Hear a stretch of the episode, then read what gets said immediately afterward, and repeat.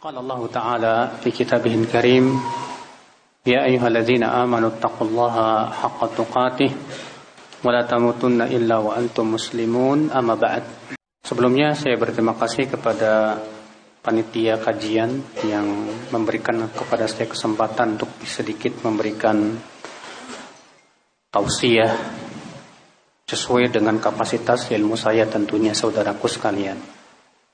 Mudah-mudahan kita semua termasuk orang-orang yang diberikan oleh Allah istiqamah sampai akhir hayat amin ya rabbal alamin. Memfitnah diri sendiri apa maksudnya saudaraku?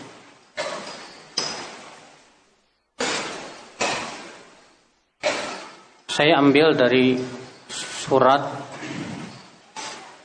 Al-Hadid ayat 14 di mana Allah taala mengisahkan tentang orang-orang munafikin pada hari kiamat. Allah berfirman, "Yunadunahum alam nakum ma'akum." mereka menyeru ya orang-orang munafik itu akan menyeru orang-orang yang beriman dan berkata alam nakum ma'akum bukankah kami dahulu di dunia bersama kalian qalu bala maka orang-orang yang beriman berkata benar walakinnakum fatantum anfusakum akan tetapi kalian memfitnah diri kalian sendiri Watarabbastum dan kalian menunggu-nunggu kekalahan kami di dunia. Wartabtum dan kalian pun merasa ragu. Wa gharratkumul amani dan kalian pun tertipu oleh angan-angan. Artinya tertipu dengan dunia. Di sini Allah mengisahkan bahwa orang-orang munafik itu saudaraku sekalian memfitnah dirinya sendiri. Apa makna memfitnah dirinya sendiri? Al-Imam Ibnu Katsir dalam tafsirnya ya ketika menafsirkan apa makna walakinnakum fatantum anfusakum akan tetapi kalian memfitnah diri kalian sendiri. Kata Imam Ibnu Katsir ai fatantum anfusakum bil ladzat wal ma'asi wasyahawat Artinya, kalian memfitnah diri kalian sendiri dengan kelezatan, syahwat dan maksiat. Subhanallah ya akal Islam ketika saya baca ayat ini menjadi sebuah renungan buat kita bahwa memfitnah diri sendiri hakikatnya adalah mengotori hati sendiri. Karena hati, saudaraku sekalian, ayun ikhwah, sangat mudah sekali terpengaruh. Hati itu saudaraku sekalian seperti bejana yang apabila dipenuhi oleh sesuatu lalu dimasukkan sesuatu akan keluarlah itu. Ketika kita membiasakan diri dengan kelezatan-kelezatan dunia misalnya. Dengan syahwat misalnya. Apalagi naudzubillah dengan maksiat saudaraku ya. Apa yang terjadi? Itu akan sangat mempengaruhi kesungguhan kita dalam ibadah. Kalau kita ini selalu menjadikan syahwat dan kelezatan dunia yang selalu kita cari. Maka saat itu untuk ibadah itu masya Allah Pak berat sekali. Badan kita saja Pak. Kalau dibiasakan dengan enak-enakan gitu kan. Kerjanya tidur aja makan aja. Pas suruh lari setengah kilo aja udah ngos-ngosan kan iya nggak? Iya kenapa karena kita terbiasa dengan leha-leha gitu tapi ketika kita badan kita terbiasa ya dan membiasakan badan kita untuk lari sekilo, dua kilo, tiga kilo, empat kilo, lima kilo, sampai akhirnya bisa sepuluh kilo, biasa-biasa saja. Kenapa? Karena kita membiasakan diri. Bisa karena biasa. Kalau kita ya akhwat Islam membiasakan diri dengan kelezatan dunia dan syahwatnya dan tidak membiasakan diri dengan ibadah akan terasa berat sekali. Antum tidak biasa tidur enak, kasurnya spring bed. Kalau kita ya akhi terbiasa dengan kenikmatan hidup, kelezatan dunia, maka saat itu kesabaran kita pun menjadi berkurang. Contoh aja misalnya, kalau malam-malam mau tahajud. Karena biasa dengan enak tidur, Masya Allah. Buat bangun jam 3 itu uh, berat banget. Bangun jam 3. Lalu mikir, setengah empat masih bisa kok. Setengah empat bangun, ah nanti jam 4 masih keburu. Jam 4 bangun, nantilah 4.15 witir aja. Bangun-bangun pas azan subuh. Kenapa bisa seperti itu? Begitu berat kita mau sholat tahajud, Pak. Karena kita nggak membiasakan diri. Kita memfitnah diri kita dengan kele kelezatan dunia. Kalau di bulan Ramadan, muncul tuh Pak yang namanya sholat taraweh tercepat di dunia. Pernah lihat nggak? Sholat cepat banget. Bismillahirrahmanirrahim. Amin. Allahu Akbar. Allahu Akbar. Masya Allah ya Rabbi. Mau ke mana ini coba? Kenapa? Mungkin kalau imamnya, kalau mereka bermakmum di belakang imam yang lama baca yang yang jauh sabis lah, Waduh, ini udah lama bener ini. Ikhwatal Islam, saudaraku seiman. Jadi ya, memfitnah diri sendiri itu adalah dengan apa? Yang pertama tadi kita selalu membiasakan diri dengan kelezatan dunia, dengan syahwatnya. Dan ini akhwat Islam akan sangat berpengaruh kepada kekuatan kita dalam keimanan. Oleh karena itulah saudaraku iman, Rasulullah Wasallam mengajarkan kepada kita yang pertama agar kita menjadi orang-orang yang punya kesungguhan dalam kehidupan, sungguh-sungguh dalam ketaatan, sungguh-sungguh dalam ketakwaan. Allah berfirman, Ya ayyuhalladzina amanu taqullaha haqqa tuqatih wa la tamutunna illa wa antum muslimun. Hai orang-orang yang beriman, bertakwalah kalian kepada Allah dengan sebenar-benar takwa. Artinya dengan penuh kesungguhan kita menjaga takwa ini. Dan jangan sampai kalian meninggal kecuali dalam keadaan kalian apa? Muslim kata Allah Subhanahu wa taala. Akhul Islam saudara seiman. Ada dua fitnah yang sangat menghancurkan kehidupan hati kita. Yang pertama dan ini yang paling berat itu fitnah syubhat. Dan yang kedua ini pun tak kalah berat namun lebih ringan dari yang pertama yaitu fitnah syahwat. Fitnah syubhat berhubungan dengan apa? Dengan pemikiran. Dengan akidah subhat-subhat yang menyebabkan rusaknya pemikiran kita, rusaknya ilmu kita, bahkan yang mengerikan lagi rusaknya akidah kita. Subhanallah, subhat yang akhwat Islam itu bagaikan malam yang kelam. Gara-gara subhat seseorang mus bisa berubah. Di waktu pagi dia mukmin, di waktu sore bisa kafir. Di waktu sore dia mukmin, di waktu pagi bisa kafir. Rasulullah SAW sudah mengabarkan tentang fitnah ini. Kata Rasulullah SAW, iya, Kata Rasulullah akan datang fitanun katita'il lailil muzlim akan datang fitnah-fitnah bagaikan bagian malam yang gelap kata Rasulullah. Yusbihur rajul mu'mina wa yumsi kafira. Wa yumsi mu'mina wa yusbihu kafira. Di waktu pagi masih mukmin. Di waktu sore udah kafir. Di waktu di sore, di sore hari masih mukmin di, di apa di pagi harinya kafir. Bisa berubah cepat loh Pak. Al Hasan Al Basri ketika menafsirkan hadis tadi tentang fitnah yang bagaikan malam yang gelap.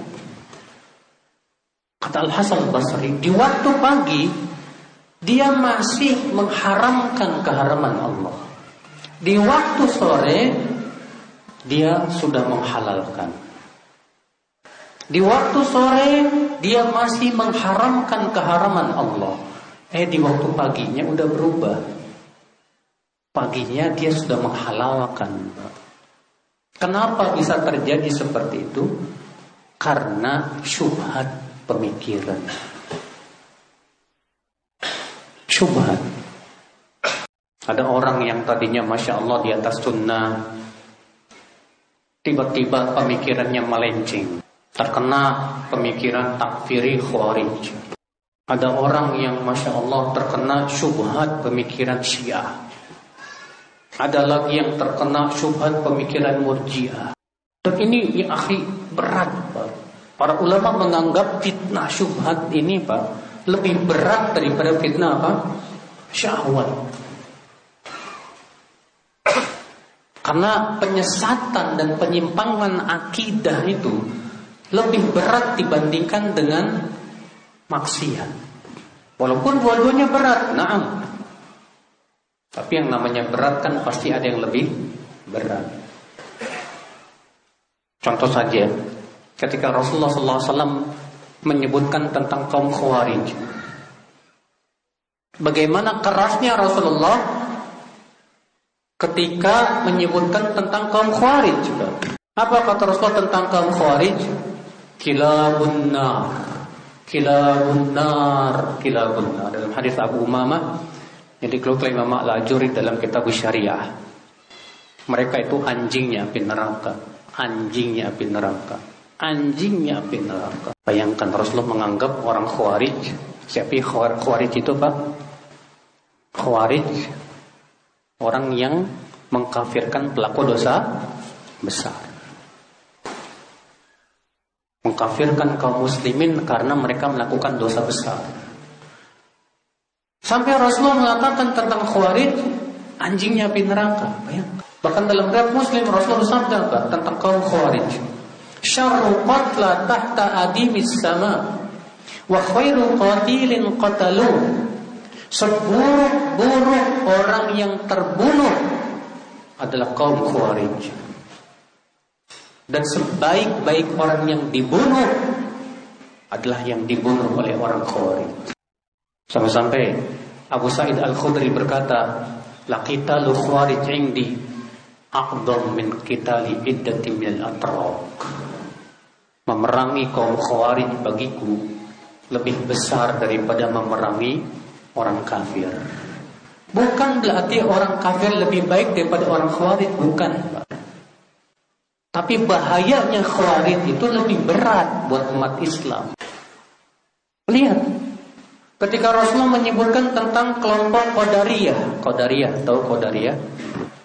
Qadariyah itu kelompok yang menolak takdir. Katanya takdir itu tidak ada. Allah belum menakdirkan segala sesuatu. Apa kata Rasulullah tentang mereka, Pak? Dalam hadis yang dihasan oleh Syekh Al-Bani rahimahullah. Al-Qadariyatu majusu hadil ummah. Qadariyah itu majusinya umat ini. Masya. Keras Rasulullah SAW terhadap orang-orang yang menyimpang dalam akidah. Tapi lihat terhadap orang yang jatuh kepada maksiat tidak sekeras kepada orang yang menyimpang dalam akidah. Disebutkan dalam hadis Rasul Muslim juga, Ada seorang sahabat, saya lupa namanya, dia sering kali dicambuk karena ketahuan minum arak. Karena seringnya minum arak, akhirnya ditangkap, dicambuk. Lalu ada seorang sahabat melaknat dan berkata, Semoga Allah melaknat kamu betapa seringnya kamu dicambuk. Apa kata Rasulullah? La tal'anu fa innahu yuhibbullaha wa rasulah. Jangan dilaknat, jangan. Dia masih mencintai Allah dan Rasulnya. Ini pemabuk. Yang setiap kali dia mabuk ketahuan dicambuk lagi, dicambuk lagi, nggak kapok-kapok. Akhirnya ada sahabat yang melaknat dia. Tapi apa kata Rasulullah? Jangan dilaknat. Dia masih mencintai Allah dan Rasulnya. Lihat Pak. Terhadap penyimpangan pemikiran dan akidah Rasul keras. Dan ini memberikan faidah kepada kita bahwa fitnah syubhat lebih berat daripada fitnah syahwat. Walaupun dua-duanya berat. Ingat, jangan salah paham ya. Ketika kita katakan fitnah syubhat lebih berat daripada fitnah syahwat, bukan artinya fitnah syahwat jadi apa? Jadi ringan, salah. Iya. Soalnya saya khawatir nih dipahami ah yang penting akidah saya udah benar. Saya mau maksiat mau gimana, yang penting kan ahlu sunnah. Ya dulu Pak, Ya, ini akhi saudaraku sekalian. Di zaman ini fitnah syubhat ngeri, Pak.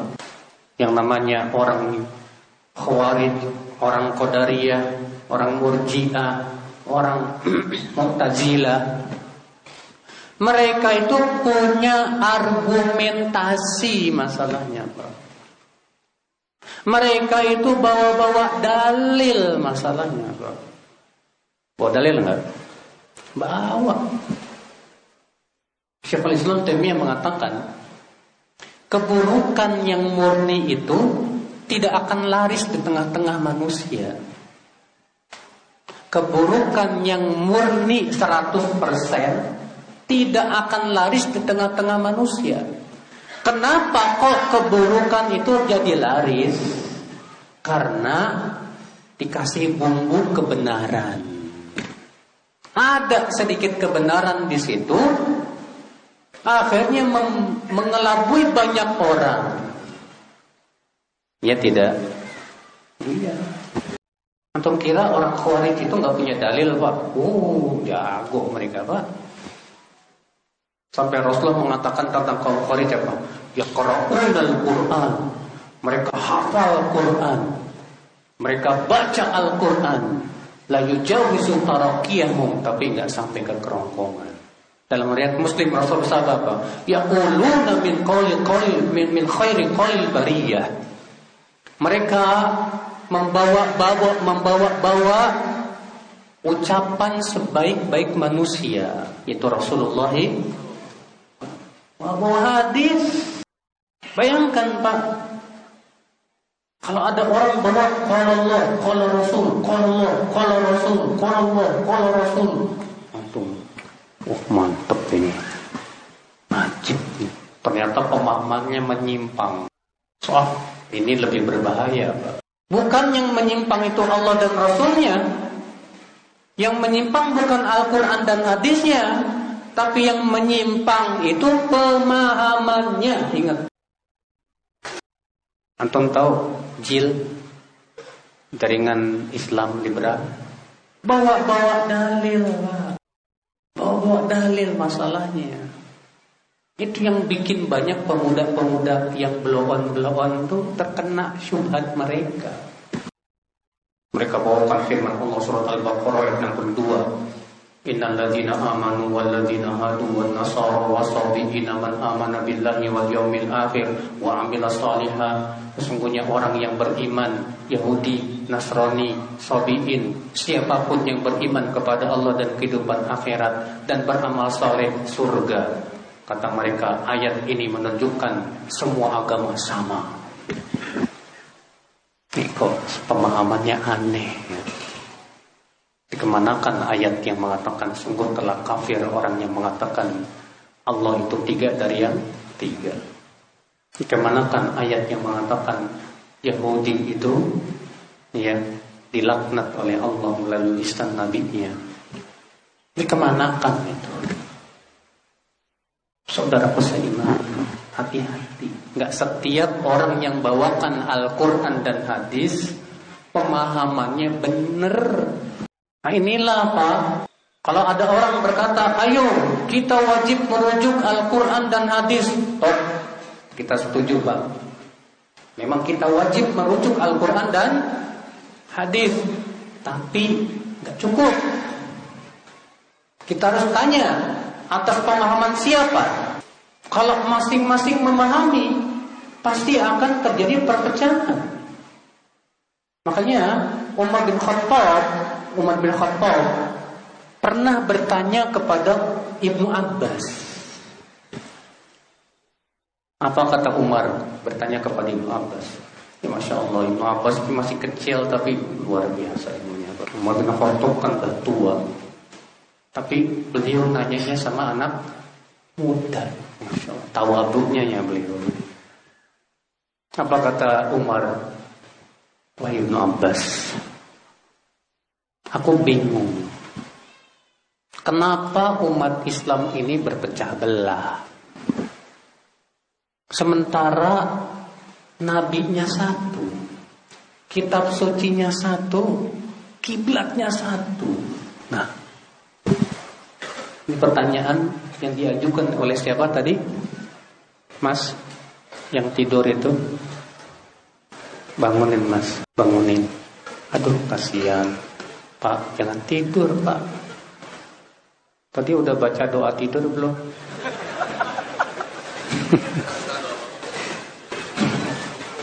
Masya Allah, ini muskilahnya suara saya merdu memang Pak.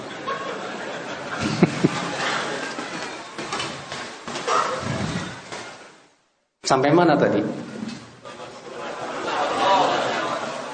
Umar bertanya kepada Ibnu Abbas, kenapa umat Islam berpecah belah sementara Qurannya satu, nabinya satu, kiblatnya satu? Jawaban Ibnu Abbas luar biasa. Apa kata Ibnu Abbas?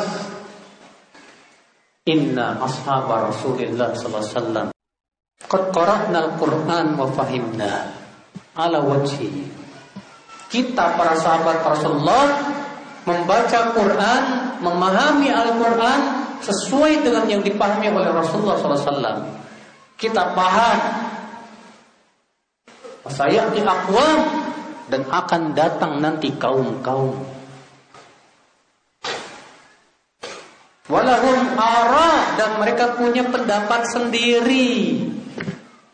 Faiza kana likulli minhum kalau setiap mereka punya pendapat sendiri-sendiri, saat itulah pasti berpecah belah. Tuh Pak, Masya Allah, jawabannya Ibn Abbas luar biasa. Jadi yang menyebabkan perpecahan itu kenapa Pak? Memahami Quran hadis pakai otak masing-masing. Enggak merujuk kepada pemahaman yang benar. Jadi akhirnya syubhat, Jadi syubhat itu, Pak. Makanya saya heran, Pak. Dengan orang yang punya prinsip begini. Kalau saya sih menuntut ilmu sama siapa aja, ambil baiknya, buang buruknya. Kita katakan, akhi, jangan memfitnah dirimu sendiri. Apa kemampuan kamu untuk membedakan ini baik, ini buruk? Kalau dia bawa dalil, pasti benar. Belum tentu pemahamannya benar. Bawa Al-Quran, bawa hadis. Antum tahu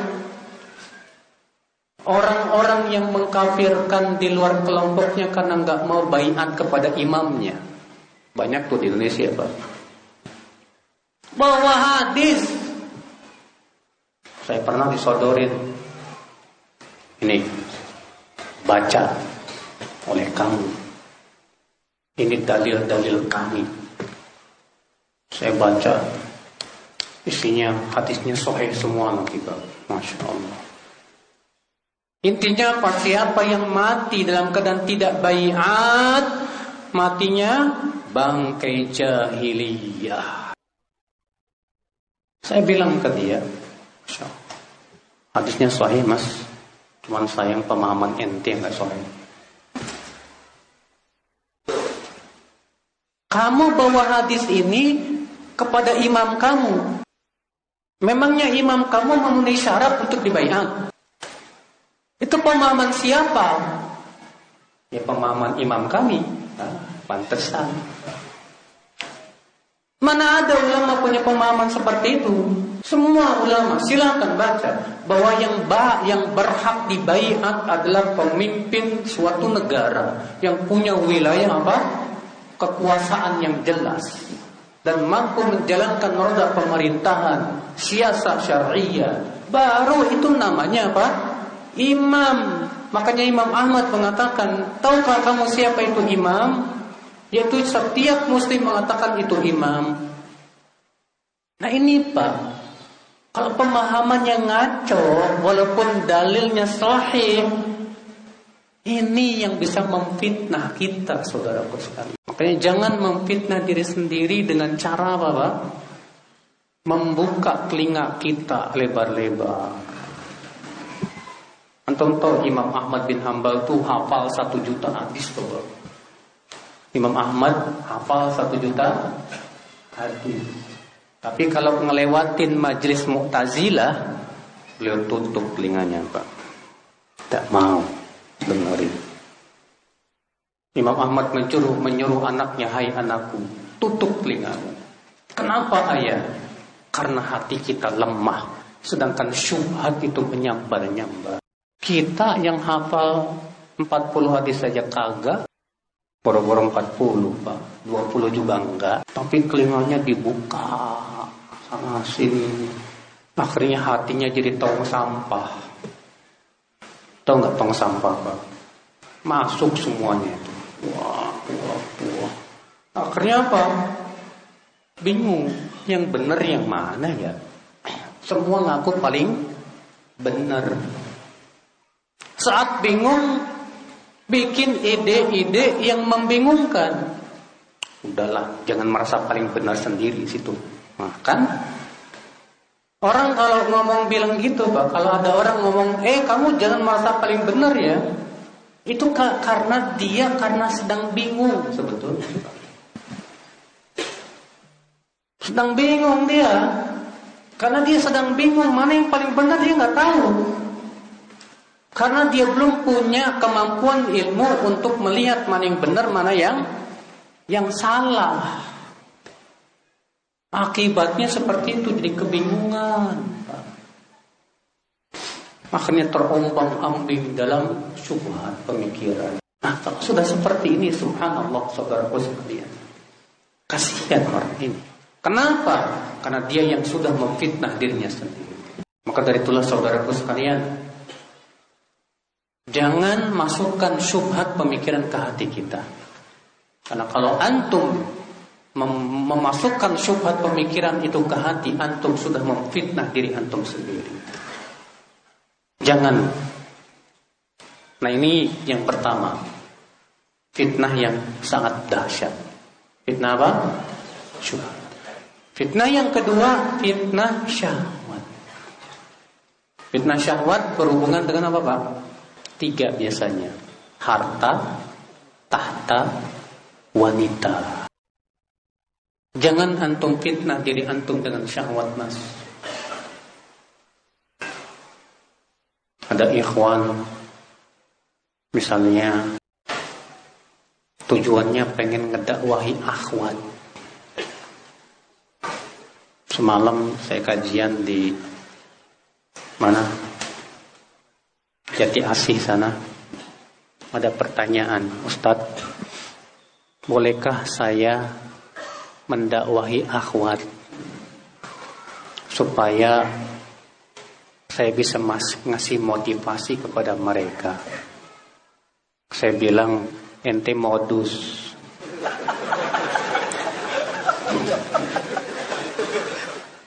Emang nggak ada akhwat lain yang bisa mencukupi ente sehingga ente yang harus ini. Jangan antum fitnah diri sendiri, akhi. Yakin antum tidak akan terfitnah. Hati-hati. Rasulullah mengabarkan bahwa fitnah yang terberat itu untuk laki-laki siapa? Wanita. Rasulullah yang mengatakan begitu. Ma taraktu ba'di fitnatan hi ala rijali minan nisa. Aku tidak meninggalkan fitnah yang paling bahaya untuk laki-laki dari siapa? Dari aww. Ingat itu. Jangan kita menganggap remeh nih fitnah nih. Menerima pertemanan akhwat di Facebook. Ya, Yakin antum tidak akan terfitnah. Ya akhi, berat ini akhi. Fitnah harta. Demikian pula ya. Orang kalau hatinya sudah terfitnah dengan harta, Pak, tidak peduli lagi halal dan haram. Yang penting saya bisa mendapatkan harta. Caranya bodoh amat. Bahkan terkadang dia bikin hilah. Gimana yang haram jadi halal. Dikasih embel-embel syariat. Biar kelihatan apa? Halal. Padahal hakikatnya tetap aja riba. Kenapa? Yaitu karena cinta syahwat, fitnah syahwat ini Pak. Syahwat harta ini Pak. Masya Allah. Syahwat kedudukan, Makanya Rasulullah SAW mengatakan dalam hadis yang sahih, "Madibani ja'ian." Tidaklah dua serigala lapar. Ursila fi ghanamin yang dilepaskan pada sekelompok kambing biafsadalaha mimman harisal mal wa syaraf lidini itu lebih merusak agama seseorang dari orang yang sangat rakus terhadap apa? Harta dan kedudukan. Ternyata orang yang rakus terhadap harta dan kedudukan lebih bahaya daripada serigala, Pak. Serigala paling kalau di, dilepasin ke kambing, yang diambil cuma satu. Ya enggak? Ambil satu, dilihat sama serigala yang paling lemah nih kambing, dimakan, ambil satu, udah selesai. Lah kalau orang yang gila kedudukan dan harta, bukan cuma satu pak, habis semuanya. Dia tidak peduli lagi sudah. Masya Allah akal Islam saudaraku sekalian. Ini fitnah syahwat di akhwat Islam. Ini pun juga bisa merusak keimanan kita, ketakwaan kita kepada Allah Subhanahu wa ta'ala ya. Maka dari itu ya, ya akhi ya, kenali dua fitnah ini. Yang pertama fitnah apa? Syubhat. Fit yang kedua fitnah apa? Syahwat. Kenali.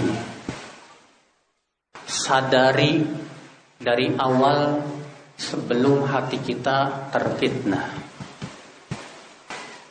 Kalau antum sebelum hati antum terfitnah dan antum sudah sadar ini fitnah, insya Allah antum lari. Makanya Rasulullah SAW sabda dalam hadis yang red Muslim, demikian pula Imam Nasai dalam sunannya. Apa kata Rasulullah? Taji'ul fitnah fayuraqiku ba'duha ba'da. Akan datang fitnah dan fitnah itu akan terasa yang lebih yang datang sebelumnya lebih ringan dibandingkan dengan fitnah yang setelahnya. Apa kata Rasulullah? Taji'ul fitnah fayaqulul mu'min hadhihi muhlikati. Akan datang fitnah, maka si mukmin berkata, ini yang akan membinasakan diriku. Sumatan kasyif, lalu kemudian fitnah itu pergi. Sumataji'ul fitnah, lalu datang lagi fitnah yang lain Fayaqulul mukmin, si mukmin berkata lagi, ini yang akan membinasakan. Lihat, si mukmin ini sadar sebelum terkena apa? Fitnah. Ini penting sekali. Kalau antum misalnya buka HP, pas antum buka HP kok saya lebih asyik dengan HP? Segera antum sadar ini fitnah. Tapi kalau antum nggak sadar, di situlah musibah. Kok saya sekarang baca Quran susah ya? Kok saya sekarang lebih asyik nonton HP ya? Ah, nah, Anda sudah terfitnah. Anda sudah terfitnah. Kok saya sekarang senang ngelihat aww aww gelis gini? Aduh. Ya, akhwat-akhwat cantik ini gimana ini? Anda sudah terfitnah. Hati-hati. Kalau Anda tidak segera sadar dan tidak segera melawan, Anda akan terus terjerembab, terjerembab, terjerembab, terjerembab. Akhirnya kolas. Anda menjadi mangsa-mangsa setan yang sadari. Makanya, ya, kalau antum, masya Allah, alhamdulillah diberikan oleh Allah wa'i, wa'i itu artinya kesadaran yang tinggi. Sebelum melakukan suatu perbuatan, antum langsung cek dulu ini fitnah bukan. Kalau ini fitnah, Antum merasa ini fitnah, antum segera lari, tinggalkan. Masya Allah, Alhamdulillah. Anda termasuk orang yang disebutkan dalam hadis. Innamas sa'idu liman junnibal fitan. Innamas sa'idu liman junnibal fitan. Fawaha waha. Orang yang bahagia itu kata Rasulullah. Orang yang dijauhkan dari fitnah. Orang yang bahagia kata Rasulullah Orang yang dijauhkan dari fitnah Wah, wah, wah itu artinya apa? Kalimat takjub Banyak kita orang Indonesia Wah, hebat ya, Wah itu dari bahasa Arab itu Pak Wah, wah Takjub Rasulullah kepada orang yang diselimat, diselamatkan oleh Allah dari apa? Fitnah, takjub Rasulullah. Masya Allah. Karena itu keselamatan yang luar biasa, Pak. Tak selamat dari fitnah itu. Maka dari itulah saudaraku sekalian, bagaimana caranya dong supaya kita tidak memfitnah diri kita sendiri? Yang pertama apa? Jangan berani-berani membuka fit pintu fitnah. Jangan pernah merasa Iman kita udah kuat. Jangan pernah merasa saya tidak akan terfitnah. Jangan, Pak. Itu termasuk pintu setan itu, Pak. Karena kalau kita merasa, wah insya Allah saya nggak bakal terfitnah. Iman saya udah kuat kok. Wah itu setan menyeringai kepada orang seperti ini. Ini makanan empuk ini. Banyak seperti itu, Pak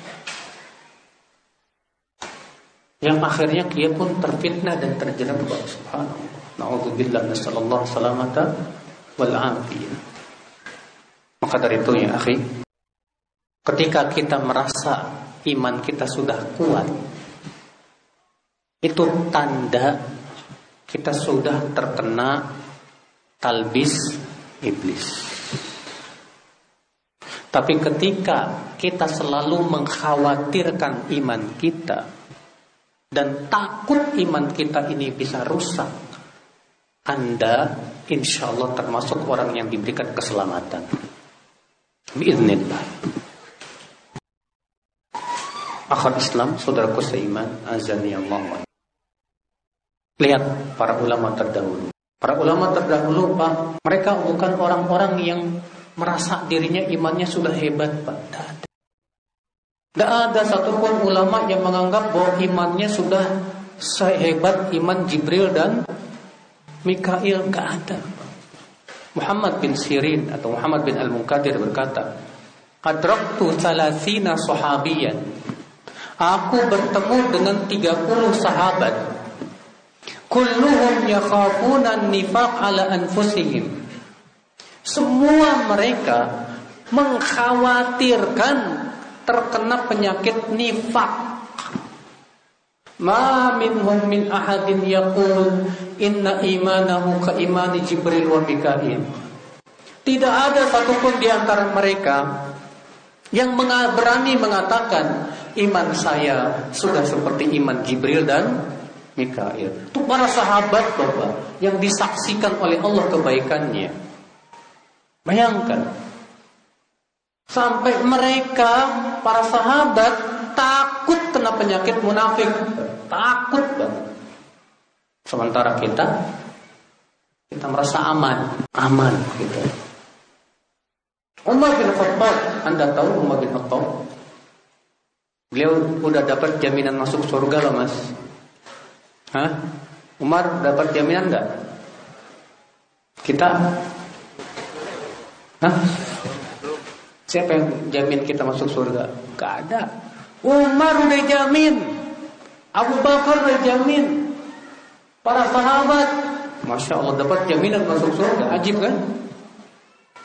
Tapi apakah di antara mereka ada yang tertipu? Ah, ini udah udah surga. Tenang aja. Lah, Umar bertanya kepada Hudzaifah, "Hai Hudzaifah, adakah Rasulullah SAW, adakah namaku masuk dalam golongan orang-orang munafik yang diberitahu oleh Rasulullah SAW?"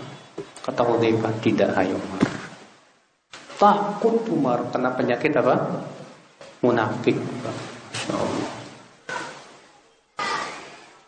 Di akhir saudara seiman, rahimani wa rahimakumullah jami'an. Ini yang pertama. Jangan pernah merasa pede dengan iman kita. Jangan pernah merasa kita tidak akan terkena fitnah. Jangan, wallahi jangan.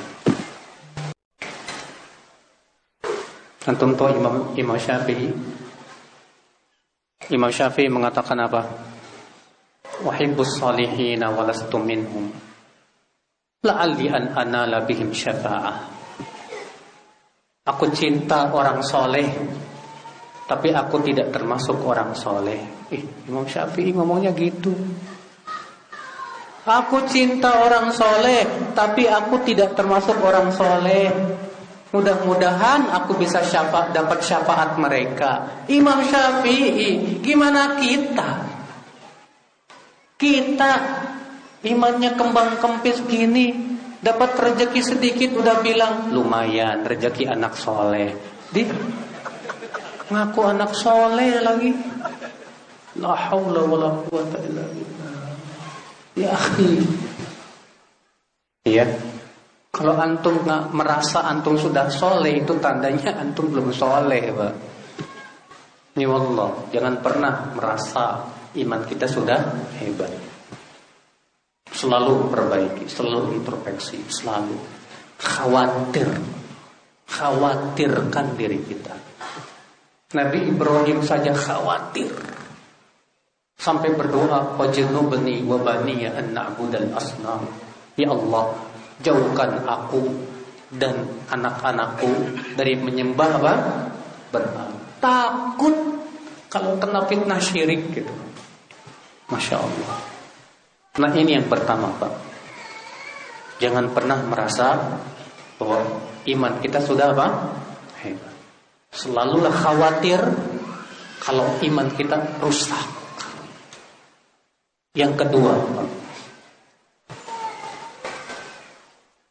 agar kita tidak memfitnah diri kita sendiri, saudaraku sekalian. Selalulah kita Pak, memilih dan memilah teman-teman. Jangan mudah kita bergaul dengan setiap teman, jangan. Karena kata orang Arab, as-sahibu sahib. Teman itu penyeret. Teman bisa menyeret kita kepada keburukan, ingat. Maka dalam Islam tidak ada ya. Dalam Islam tidak ada yang namanya berteman dengan siapa saja, nggak ada. Yang ada dalam Islam al-mar'u ala dini khalili falyanzur al yang man yukhalil. Kata Rasulullah SAW seseorang itu di atas agama apa? Teman akrabnya. Maka hendaklah seseorang melihat dengan siapa dia berteman. Jadikan teman-temannya teman-teman yang soleh. yang bisa menjaga keimanannya, ketakwaannya. Jadikan temannya itu ya, kita berusaha berteman dengan teman yang bisa memotivasi kita kepada kebaikan. Saat kita futur, kita dapat nasihat mereka. Saat kita di atas kebenaran, kita pun diberikan apa? Motivasi oleh mereka. Sehingga kita selalu bisa istiqomah di atas kebaikan biiznillah. Dan jangan anda remehkan masalah teman, Pak. Karena Abu Talib, Abu Talib meninggal dunia di atas kekafiran gara-gara teman. Ketika Abu Talib hendak meninggal, datang Rasulullah didapati di sisi Abu Talib siapa? Dua pentolan Quraisy. Di antaranya Abu Jahal. Ketika Rasulullah bersabda kepada Abu Talib, "Hai paman, ucapkan la ilaha illallah." dengan kalimat itu aku bela kamu dari di sisi Allah. Apa kata Abu Jahal? Apakah kamu benci kepada agama ayahmu Abdul Muttalib? Rasulullah ulangi lagi, Abu Jahal ulangi lagi. Akhirnya Abu Talib memutuskan mati di atas agama ayahnya Abdul Muttalib. Bayangkan Pak, gara-gara teman. Allah menceritakan dalam surat Al-Furqan tentang penyesalan penduduk api neraka yang masuk neraka gara-gara teman. Qala ya wailata laitani lam attakhidh fulanan khalila. Dia berkata, "Aduh andaikan aku tidak menjadikan si fulan sebagai teman akrabku." Laqad adallani anil zikri ba'da idja'ani. Sungguh ia telah menyesatkan aku setelah datangnya pemberi peringatan kepada setelah datangnya peringatan masuk neraka gara-gara apa? teman. Jangan Anda fitnah diri sendiri dengan Anda bergaul dengan siapa saja. Bergaul dengan setiap orang yang bisa merusak agama Anda, yang bisa merusak keimanan Anda. Tidak bisa. Pilih dan pilih. Yang ketiga, Pak, pilah dan pilih gurumu. Guru, kalau tadi teman. Ini sekarang apa? Guru. Cari guru yang membimbing kamu kepada pemahaman yang sahih, yang benar. Dan jangan cari guru yang bisa menyesatkan kamu kepada jurang api neraka. Penting tuh Pak. Caranya gimana? Caranya konsultasi. Antum antum kalau pengen tahu dokter yang bagus nanyanya ke siapa? Kalau antum pengen tahu dokter ini bagus nanya ke siapa? Ke petani, ke ustad, ke pilot, Hah? Ke dokter lagi kan? Tanya dokter, Pak dokter, kamu kan dokter. Menurut Pak dokter, dokter-dokter yang bagus itu siapa aja? Dia akan kasih rekomendasi. Dokter Fulan tuh bagus. Ini ini bagus. Kalau antum pengen tahu ahli bangunan yang hebat dan bagus itu tanya ke siapa? Penjahit. Salah. Ke ahli bangunan lagi. Kalau antum pengen tahu chef yang hebat, tanya ke siapa? Ke chef lagi. Kalau antum pengen tahu ustadz yang bagus, nanyanya ke ustadz lagi. Salah kalau antum nanyanya ke tukang bas, Pak. Karena masing-masing orang punya fak masing-masing. Dia paham. Makanya di sini penting kita sering konsultasi. Jangan fitnah diri sendiri dengan kita tadi sudah kita sebutkan tadi Pak. Ya. Kita buka nih telinga kita ke mana-mana, akhirnya kena penyakit syubhat.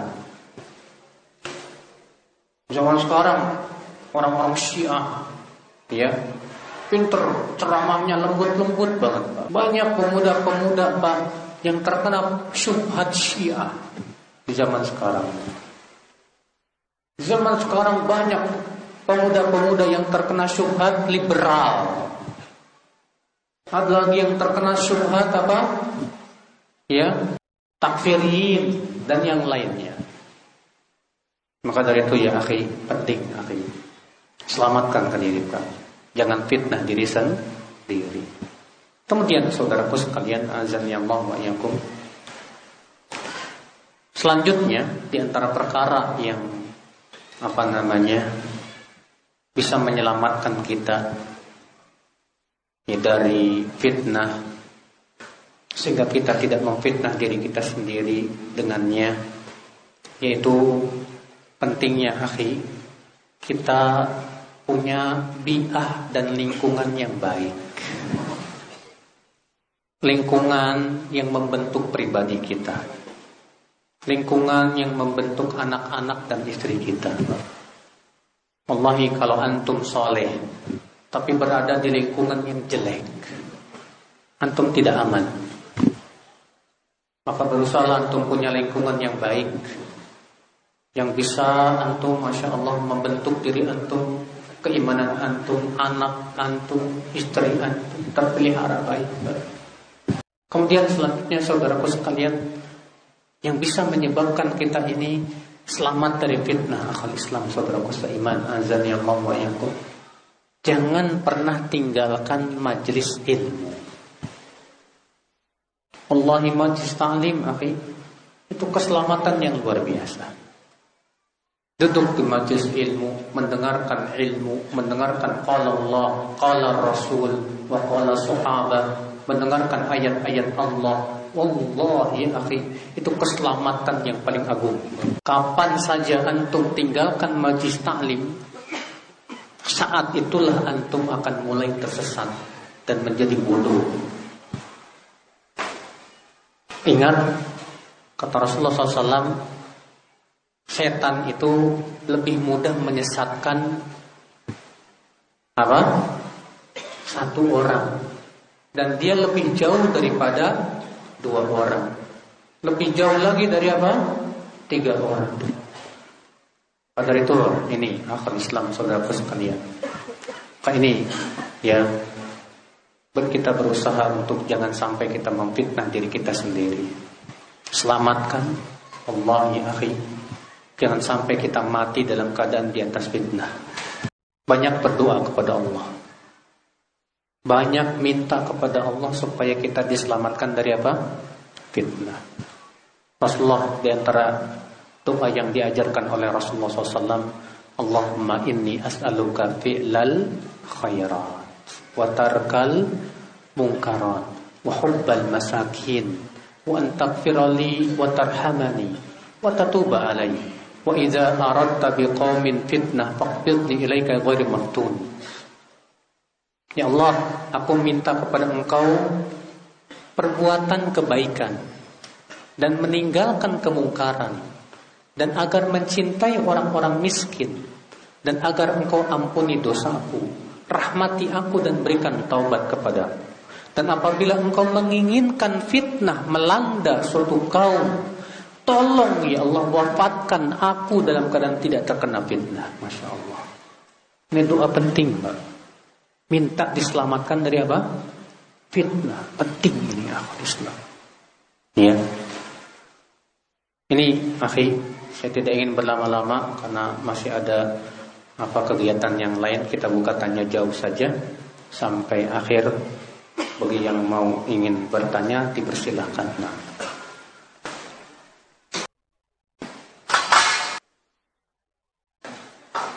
Ini ada pertanyaan dari jemaah. Apa itu bertanya Ustaz, bagaimana caranya untuk terhindar dari fitnah dan cara melawannya di zaman yang saat ini bila-bila penuh dengan fitnah? Caranya yang pertama tadi sebetulnya sudah disebutkan Pak. Yaitu kita menuntut ilmu. Pelajari mana yang termasuk fitnah dan mana yang tidak termasuk fitnah. Penting. Dengan ilmu itu kita bisa lihat nih ini hak, ini batil, ini fitnah atau bukan. Makanya ya Rasulullah SAW sangat menganjurkan menuntut ilmu di zaman fitnah. Sebutkan dalam hadis Rasulullah SAW sabda, "Innakum asbahtum fi zamanin kathirin fuqaha'uhu qalilin khutaba'uhu kathirin su'aluhu qalilin mu'tuhu." Masayati zaman kathir khutaba'uhu qalil fuqaha'uhu. Kathir su'aluhu qalil mu'tuhu. Al-ilmu fihi khairum minal amal kata Rasulullah. Kalian hidup di zaman ulamanya banyak, penceramanya sedikit. Yang minta-mintanya sedikit, yang memberinya banyak. Dan nanti kata Rasulullah akan datang suatu zaman yang ulamanya sedikit, penceramahnya banyak. Yang minta-mintanya banyak, yang memberinya sedikit. Apa kata Rasulullah? Dan berilmu di zaman itu lebih baik daripada beramal. Bukan artinya ilmu tidak diamalkan, Pak. Tapi maksudnya pahala menuntut ilmu di zaman itu besar di sisi Allah. Ini menunjukkan, Pak, kita yang hidup di akhir zaman yang penuh fitnah ini sangat dianjurkan kita untuk menuntut. Insya Allah, kalau antum terus menuntut ilmu, Allah akan selamatkan antum dari fitnah. Bismillah. Yang kedua, supaya kita terjauh dari fitnah ya akal Islam sudah kita sebutkan tadi sebetulnya, ya. Yaitu kita jangan sembarangan berteman. Karena teman ini terkadang menjadi sumber fitnah. Yang ketiga, jangan mendatangkan fitnah itu kepada diri kita. Contoh misalnya, kita sengaja mendekati tempat-tempat fitnah. Mendekati tempat-tempat fitnah itu bahaya, Pak. Iya, sama saja seperti Rasulullah sebutkan ya, seperti penggembala domba yang menggembalakan di sekitar daerah larangan. Hampir-hampir dia akan masuk ke daerah larangan tersebut. Sama dengan kita, yang kita ini mendekati fitnah, akhirnya lama-lama jatuh kepada apa? Fitnah tersebut. Nah demikian Allah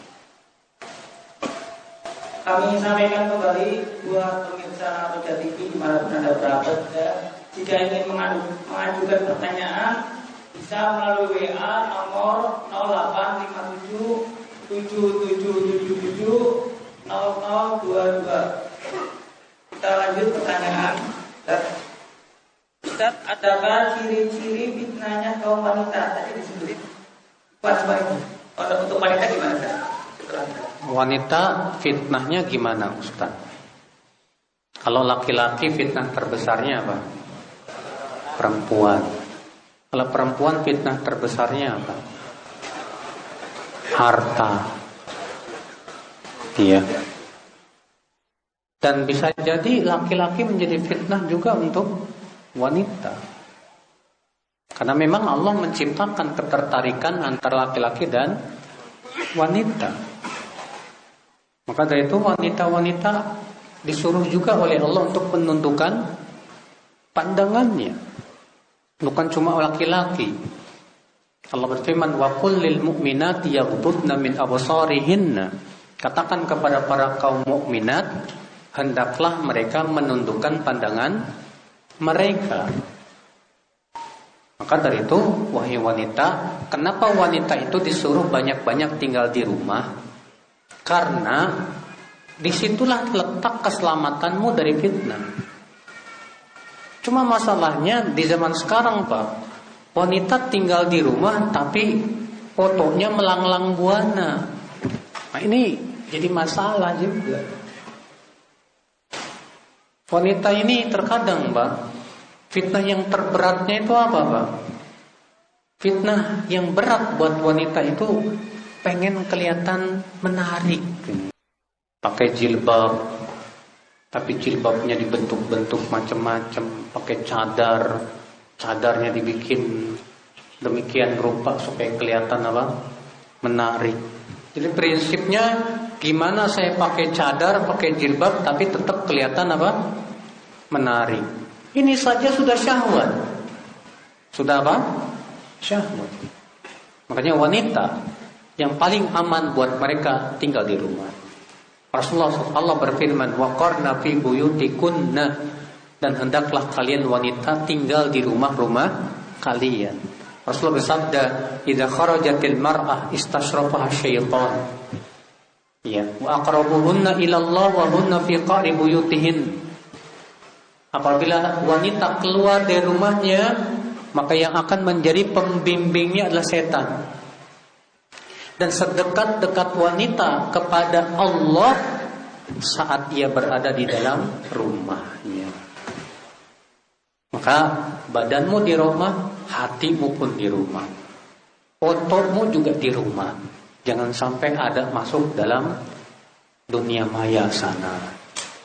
Melanglang buana. Iya. Lah ya.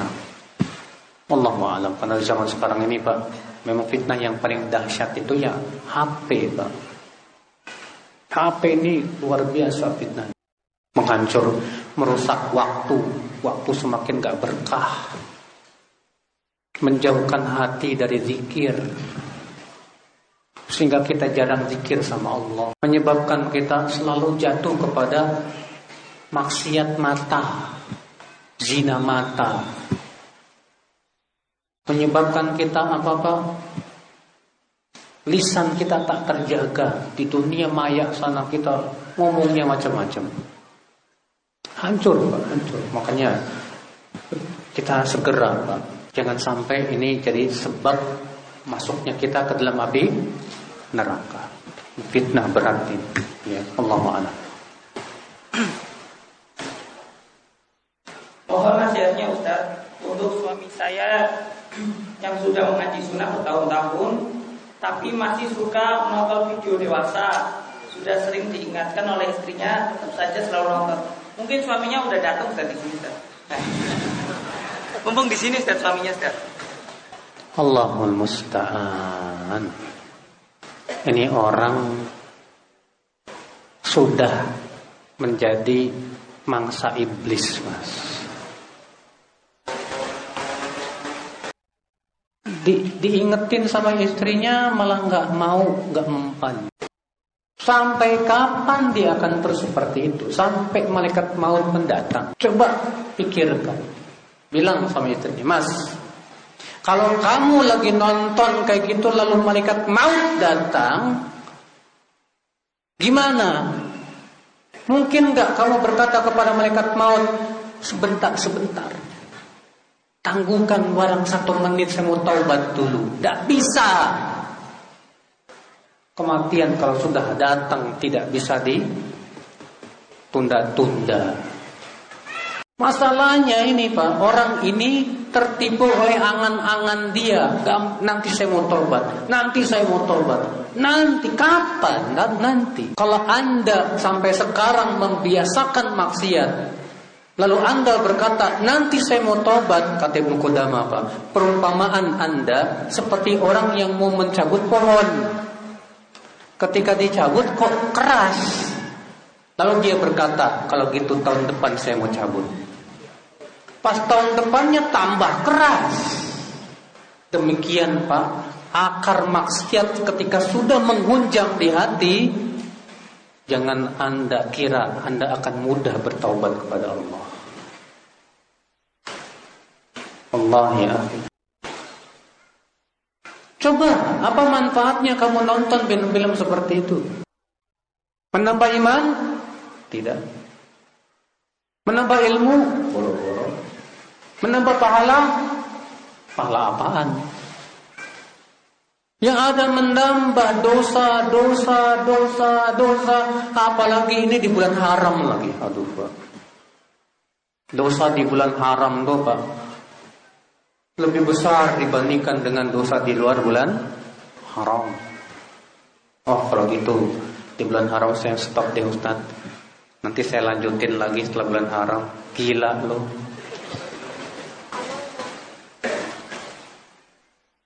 Emangnya ente udah dijamin masuk surga? Abu Bakar dijamin masuk surga nggak begitu? Abu Bakar dijamin masuk surga. Suatu ketika Abu Bakar sedang megangin lidahnya. Maka Umar bertanya, "Hai Abu Bakar, apa yang kau lakukan?" Kata Abu Bakar, "Hadzal ladzi awradanil mawarid." ini nih yang bisa membuatku binasa. Di zaman Abu Bakar belum ada gadget pak, gadget nih belum. Maka Abu Bakar memegang lisan. Kalau sekarang kita pegang lisan, apa pegang gadget nih? Kita katakan ini yang bisa aku binasa. Ini sumber kebinasaan kita di zaman sekarang. Kenapa? Karena di sinilah maksiat dekat sekali. Antum tahu Allah uji para sahabat dengan maksiat yang dekat. Allah berfirman, "Ya ayyuhalladzina amanu la yabluwannakumullahu bi syai'in minas saydi tanalu aydikum wa rimahukum liya'lamallahu man yakhafu bil ghaib." Hai orang-orang yang beriman, Allah pasti uji kalian. Allah akan uji kalian dengan apa? Rasulullah, para sahabat waktu diuji dengan apa, Pak? Dengan binatang-binatang buruan yang mudah kalian tangkap oleh tangan dan tombak-tombak kalian saat kalian berihram. Jadi ketika sedang ihram itu binatang-binatang buruan marah mendekat pak. Kan kalau lagi berihram haram kan berburu. Eh ini malah ngedekat. Bahkan bisa ditewak pak, ditangkap. Tapi ketika selesai ihram, lari.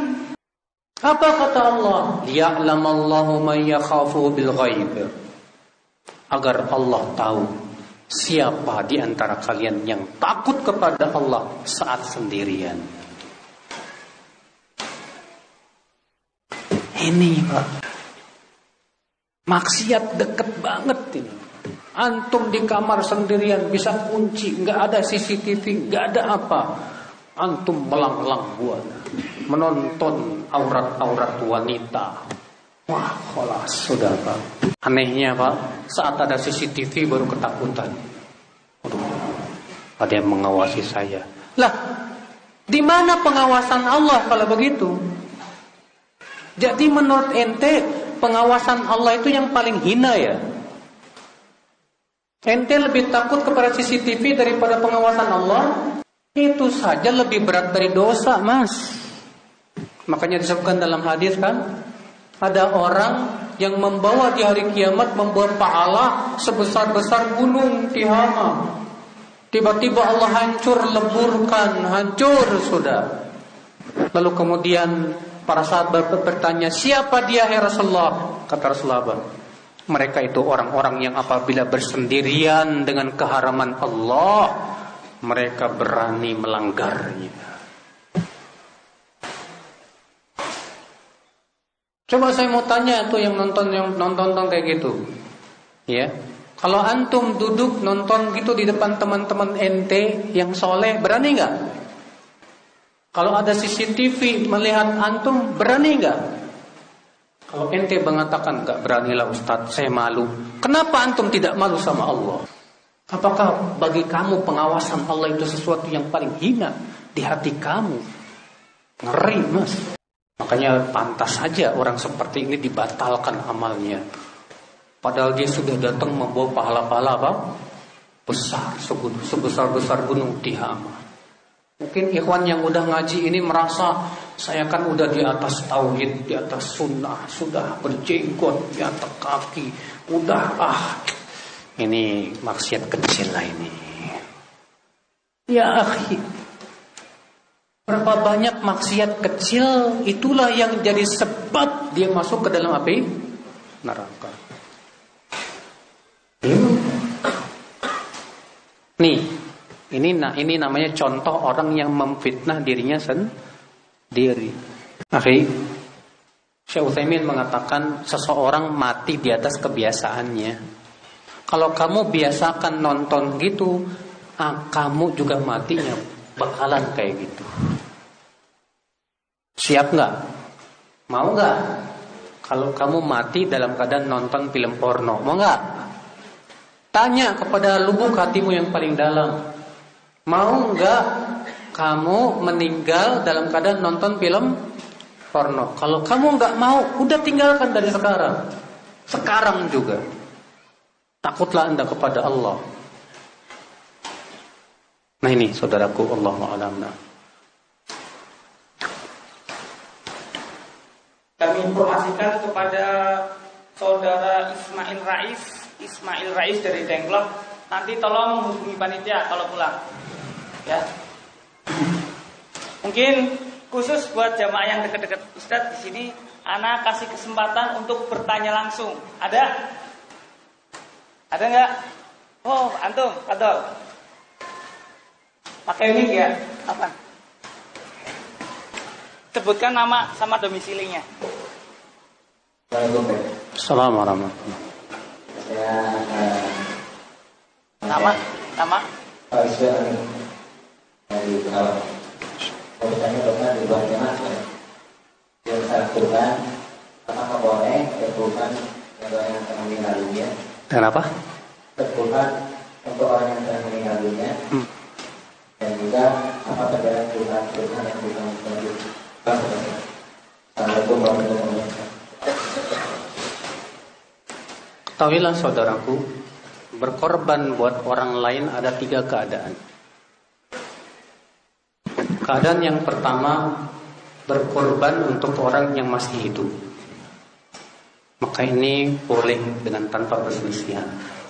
Keadaan yang kedua, berkorban untuk orang yang masih hidup yang sudah dan yang sudah meninggal. Maka ini pun boleh.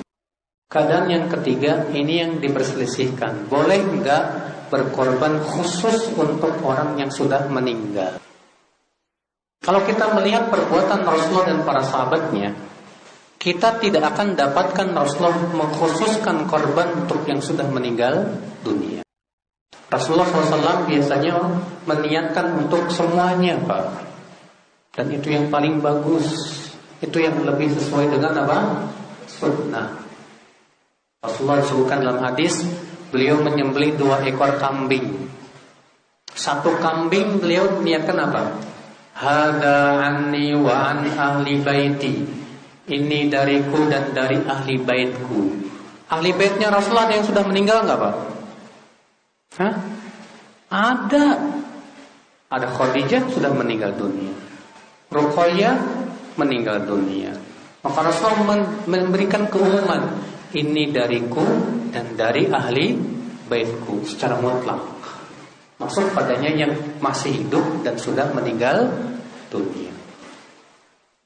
Ketika menyembelih kambing yang kedua, Rasulullah mengatakan apa? Hada anni wa ammal lam min ummati. Ini dariku dan untuk umatku yang belum berudhiyah. Jadi yang lebih baik, Pak, jangan dikhususkan buat mayat. Tapi kita untuk semuanya aja. Iya. Semuanya. Walaupun memang Syekh bin Baz mengatakan boleh berkorban untuk mayat karena menurut beliau tidak ada bedanya dengan sedekah untuk mayat. Karena sedekah untuk mayat itu hukumnya boleh dengan ijma para ulama. Wallahu a'lam. Nah, Mungkin ini ada sedikit hadiah. Buat tadi ada dapat informasi ada jamaah dari Cirebon ke sini untuk datang kajian. Ada? Yang dari Cirebon langsung tadi. Ah, ini hadiah Pak. Hadiah. Apa? Masya Allah dari Cirebon. Cirebon, Pak. Ada Jauh. lagi? Ada anu dari Cirebon? Dari mana? Cirebon. Ya, hadiah lagi, insya Allah. Ada yang dari Jawa Tengah? Wah, merantau ini ntar. Semua anak juga dari Jawa Tengah. Ya. Lanjut ke pertanyaan eh, dari pemirsa. Bismillah, mau tanya Ustaz, gimana caranya meninggalkan teman yang bisa membuat kita terkena fitnah? Sedangkan teman itu sudah dekat sekali dengan kita, bahasa gaulnya sudah bro banget gitu Ustaz. Udah senang apa bahagia sama susah bareng gitu Ustaz. Tapi kita udah kenal sunnah. Tapi dia bikin kita terkena fitnah Ustaz. Gimana caranya Ustaz?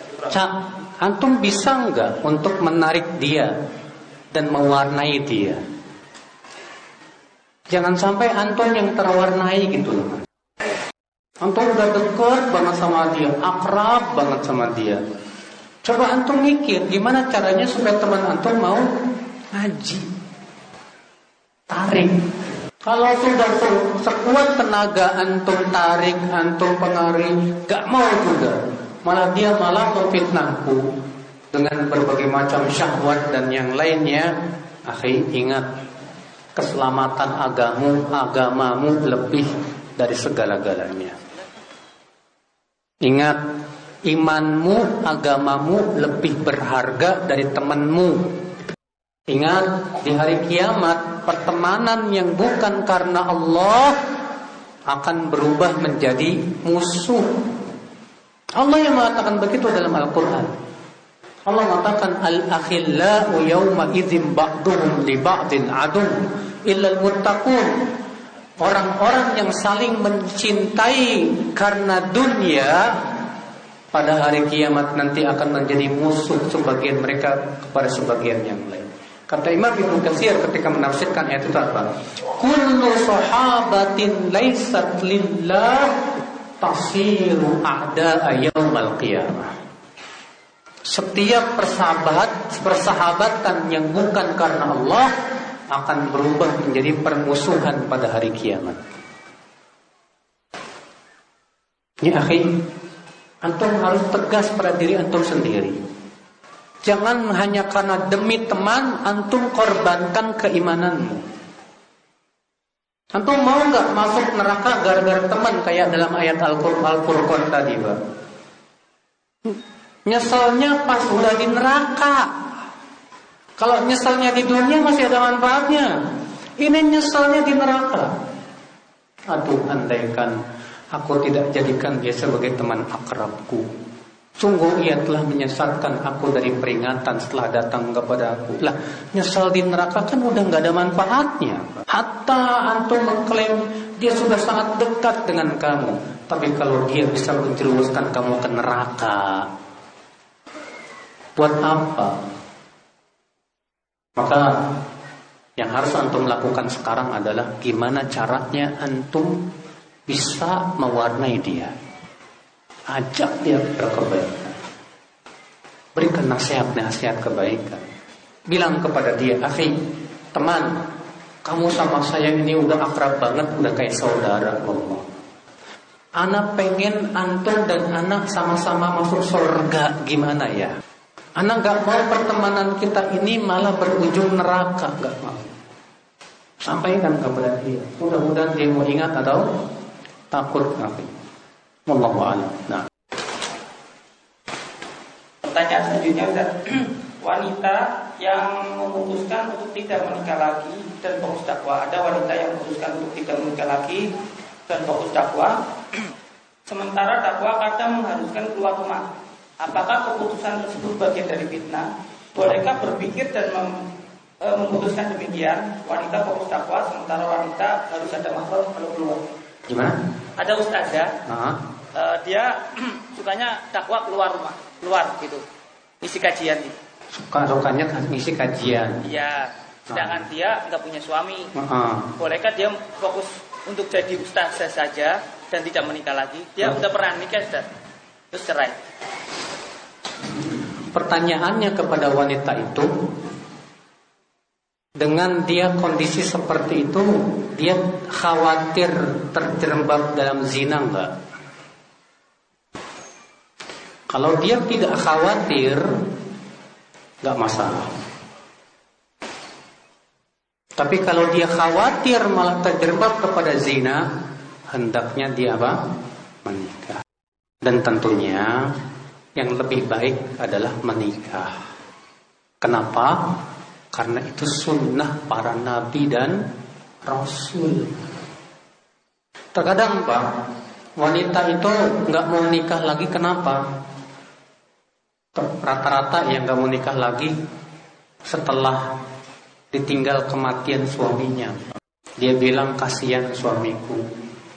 Nanti kalau aku nikah lagi, aku bersama-sama su suamiku kedua. Kan disebutkan dalam hadis demikian kan? Wanita itu untuk suaminya yang terakhir. Nah, banyak akhwat-akhwat yang gak mau nikah lagi itu alasannya itu pak saya pengen sama apa? Suami saya saja, nggak mau sama yang lain. Akhirnya dia putuskan nggak mau nikah lagi. Boleh aja nggak masalah, asal tadi dia aman dari apa? Fitnah. Allah a'lam. Izin bertanya Ustaz, apa bedanya fitnah dunia dan fitnah kubur serta bagaimana menghadapinya Ustaz? Fitnah dunia sudah kita sebutkan tadi, berupa harta, wanita, demikian pula kedudukan, tahta. Adapun fitnah kubur adalah pertanyaan malaikat mungkar dan nakir. Di mana setiap mayat pasti akan ditanya oleh malaikat mungkar dan nakir, siapa rohmu, siapa nabimu dan apa agama. Nah, ini dia bedanya fitnah dunia dengan fitnah apa? Kubur. Nah,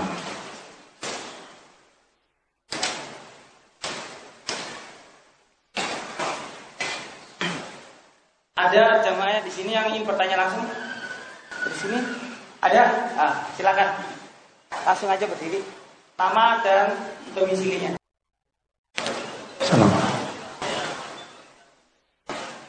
Saya kurang dengar nih Pak. Ya apa?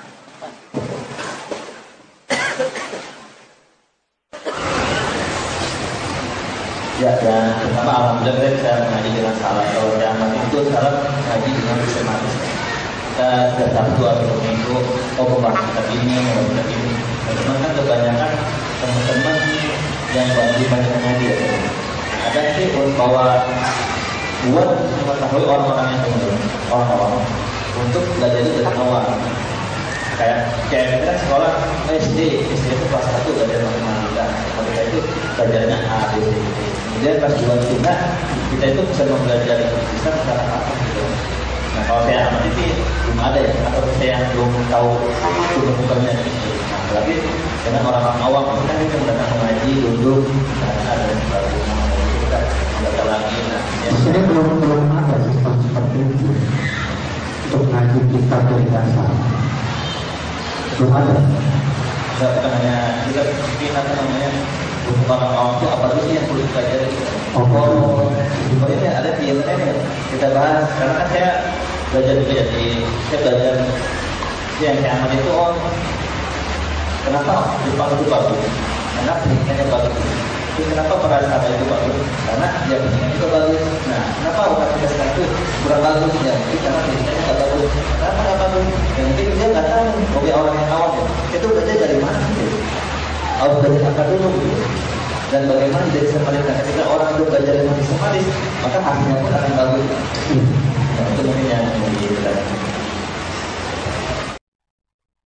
Di kitab misalnya usul salasa naik kulkas kesubuhan naik kuahid sita kuahid arba naik dan diwajibkan untuk menghafal.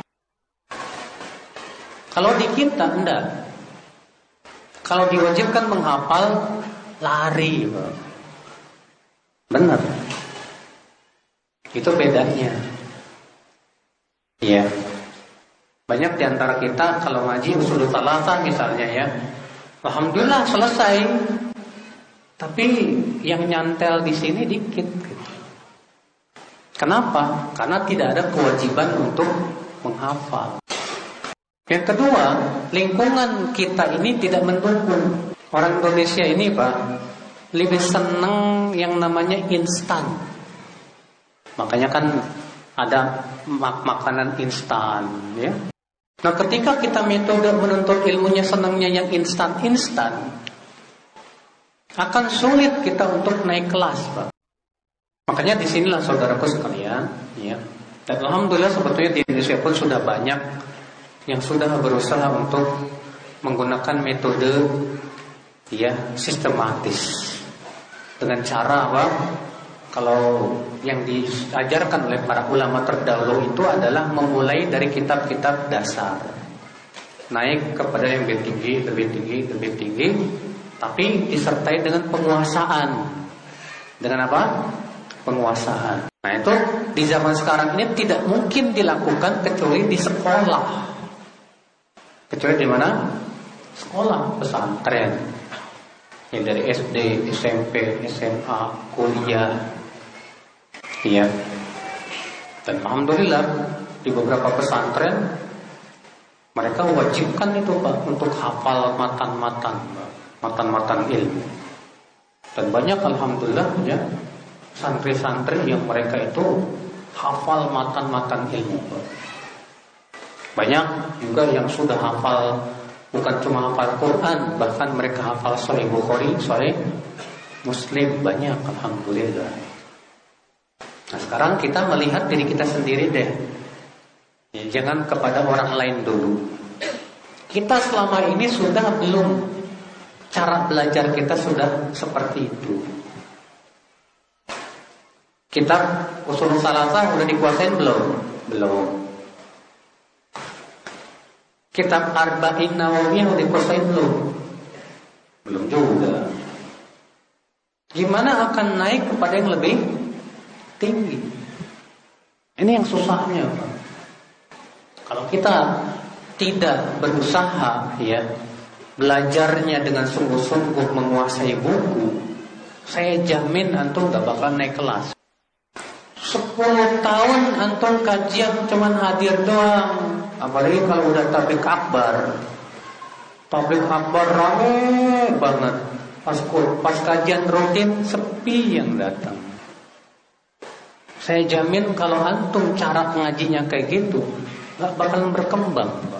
Bukannya bukan tablik akbar nggak boleh, boleh bagus sekali-kali aja. Tapi kan yang paling penting adalah gimana supaya ilmu kita ini ber, berkembang. Para ulama mengatakan man hurimal usul hurimal usul. Siapa yang terhalang dari dasar-dasar ilmu, dia tidak akan sampai. Berarti harus kita kuasai dasarnya dulu dalam setiap ilmu. Tergantung antum belajar ilmu apa. Belajar ilmu hadis. Antum mulai dari misalnya kuasai kitab Baikunia. Kemudian naik Nukhbatul Fikar dengan syaratnya Nuzhatun Nadar. Naik lagi kepada Alfiyah Al-Iraqi. Antum kuasai per buku supaya antum paham betul. Antum mau belajar fikih mulai dari yang dasar-dasar dulu. Tergantung antum mau mulai dari madhab mana, Syafi'i atau Hambali atau Maliki atau apa? Hanafi. Antum misalnya mau mulai dari madhab Hambali, bisa banyak buku-buku yang sifatnya itu dasar-dasarnya, Pak. Naik, naik, naik, naik, naik, kalau antum caranya seperti itu, insya Allah kokoh antum. Tapi kalau kita tidak seperti itu, jangan harap pak ilmu kita bisa kokoh, nggak bisa. Kita juga pelajari ilmu alatnya, ilmu bahasa Arab pelajari, ilmu usul fikih pelajari, ilmu hadis pelajari, ya, ilmu kaidah-kaidah fikih pelajari, ilmu ulumut tafsir pelajari. Nah kalau antum punya alat, insya Allah perkembangan ilmu antum akan menggembirakan. Benar. Nah ini cuma masalahnya kan membutuhkan kepada apa?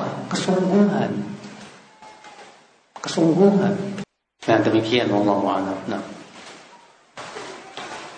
Ini pertanyaan terakhir kami mohon maaf kepada para pemirsa yang ada di rumah e, jika memberikan pertanyaan tapi belum mana bacakan karena sangat banyak sekali eh, pertanyaan-pertanyaan yang masuk. Pertanyaan terakhir, agar kita tidak terhindar fitnah, tadi disebutkan kita harus punya lingkungan yang baik. Ciri-ciri lingkungan yang baik itu seperti apa ya Ustaz? Karena kita tinggal di lingkungan kompleks perumahan sunnah, tapi akhlaknya kurang bikin kita nyaman gitu Ustaz. Oh banyak yang ketahui Ustaz. Akhi, usahakan lingkunganmu ada majlis taklim. Karena Rasulullah bersabda, La taskunul kafur. Jangan tinggal di kapur. Ya, dalam satu ayat kasakinul kafur kasakinil kubur orang yang tinggal di kafur sama dengan tinggal di kuburan.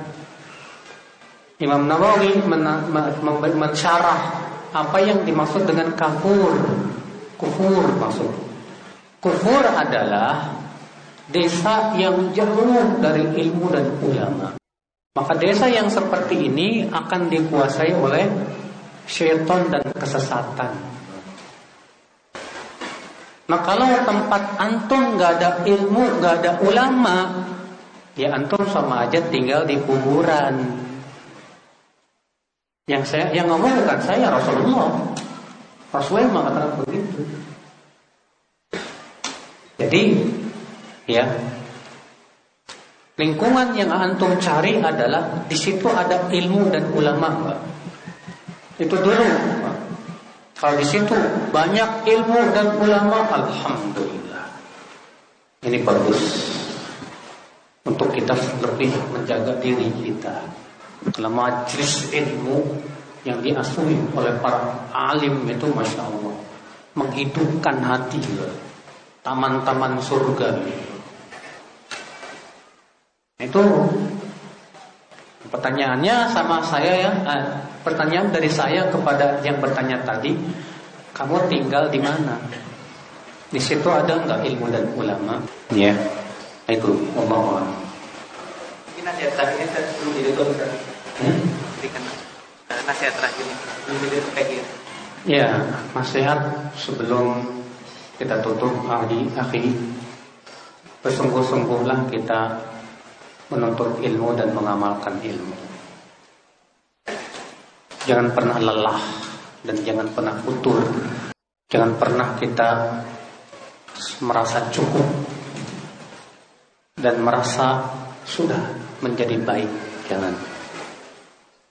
Akan tetapi mintalah terus kepada Allah kekuatan. Ya muqallibal qulub, sabbit qalbi ala din. Wahai yang membolak-balikan hati, kuatkan hatiku di atas agamamu. Maka sebaik-baik kita saat kita bersama adalah saat kita saling menguatkan. Karena kebersamaan tidak disertai dengan saling menguatkan percuma. Yang kita harapkan adalah kita saling menguatkan Pak, untuk istiqomah. Demikian wabillahi taufiq. Subhanakallah bihamdik. Asyhadu an la ilaha illa anta Astagfirullahaladzim Wassalamualaikum warahmatullahi wabarakatuh